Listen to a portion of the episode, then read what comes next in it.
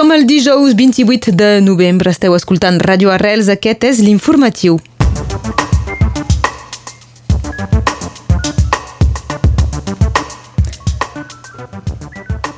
Ajudes per als DIS 66, 6 milions suplementaris de pressupost, més efectius i la facturació a l'Estat de les missions que els bombers han de fer en substitució del SAMU.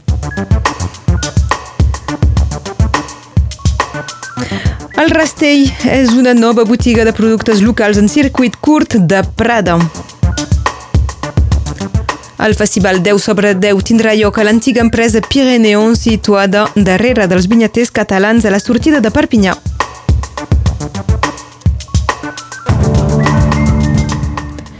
Com previst, els habitants de Rodès es van fer notar ahir per l'inici de la concertació pública pel que fa de les obres a la carretera 116 entre Illa i Prada. Abans de la reunió del vespre a Vinça, més d'un centenar de persones van conduir una operació de circulació lenta. El seu objectiu és obtenir un giratori al lloc de l'actual creuament entre la 116 i el poble de Rodès per fer reduir la velocitat als vehicles i mantenir així la seguretat dels vianants i els ciclistes ciclistes. Aquesta concertació pública continuarà fins al 20 de desembre.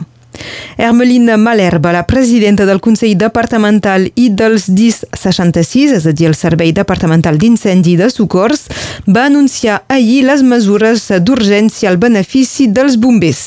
Es tracta d'un suplement pressupostari de 6 milions d'euros, el que representa un 10% del pressupost global anual i 30 bombers professionals suplementaris per l'any vinent.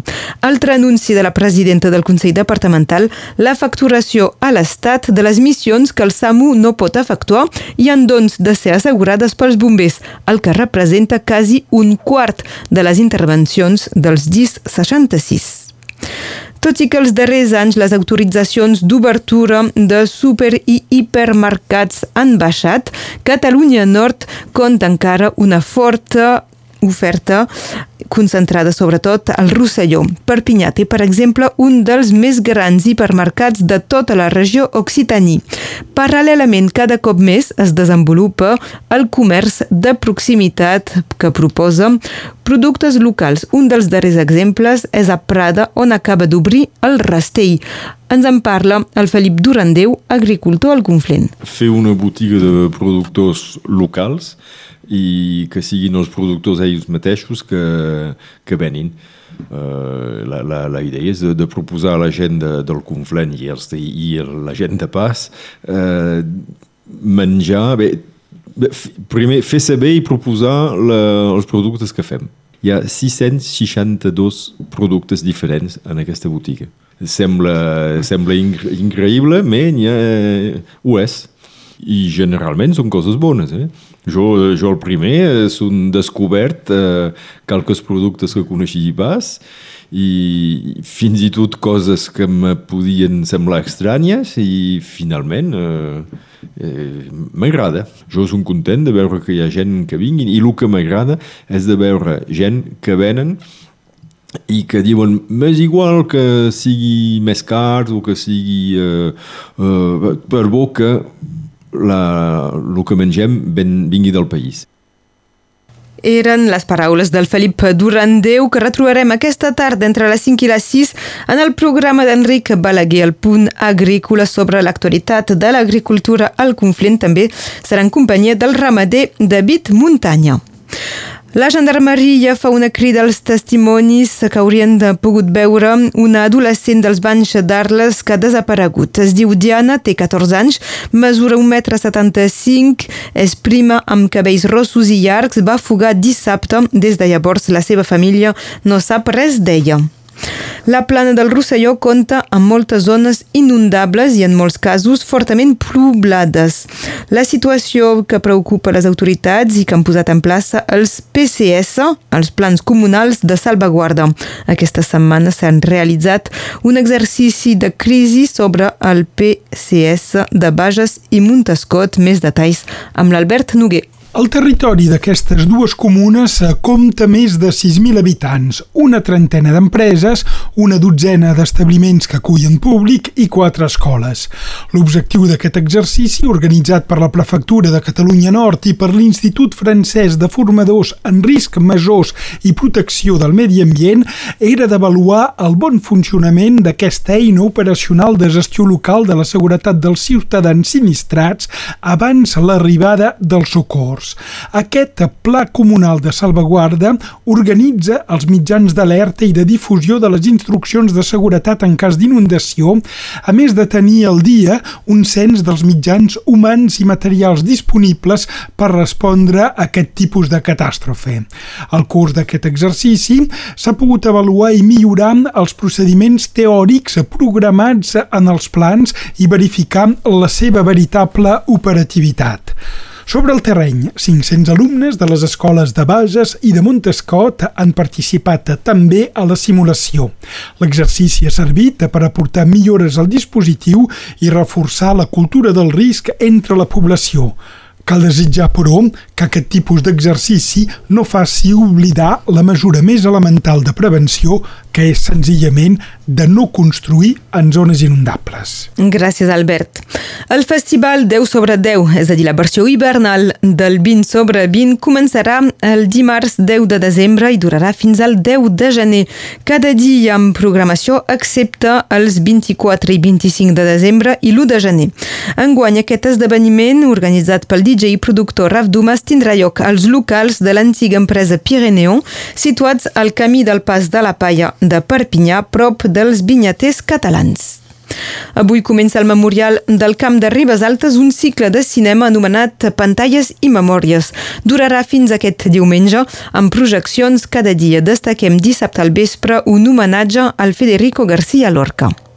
A partir de demà tindrà lloc en la majoria de supermercats de l'estat francès la gran col·lecta alimentària al benefici del Banc dels Aliments. Cada any, al darrer cap de setmana del mes de novembre, es recapten més de 10.000 tones d'aliments.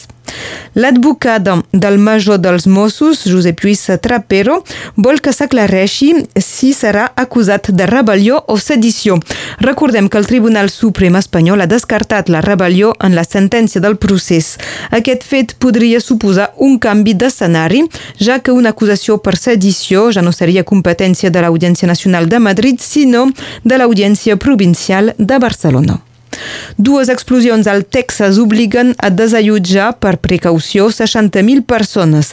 Les evacuacions s'han fet fins a més de 6 quilòmetres al voltant de la fàbrica on productes químics han provocat les deflagracions. El balanç és de 3 ferits lleugers.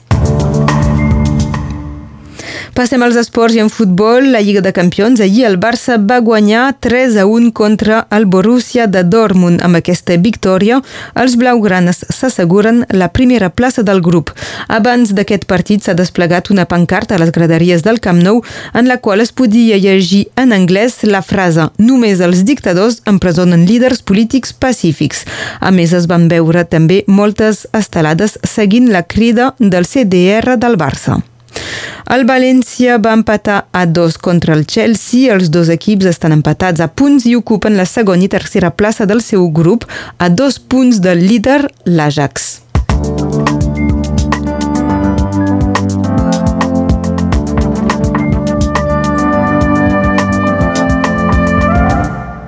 Passem a la previsió del temps amb l'Enric Balaguer.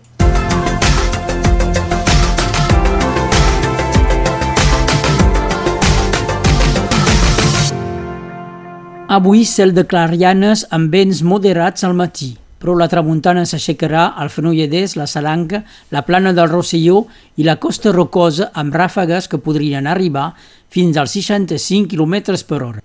El 28 de novembre més calent registrat era el 1948 amb 21,4 graus, el més fred el 1969 amb 5,2 graus de màximes.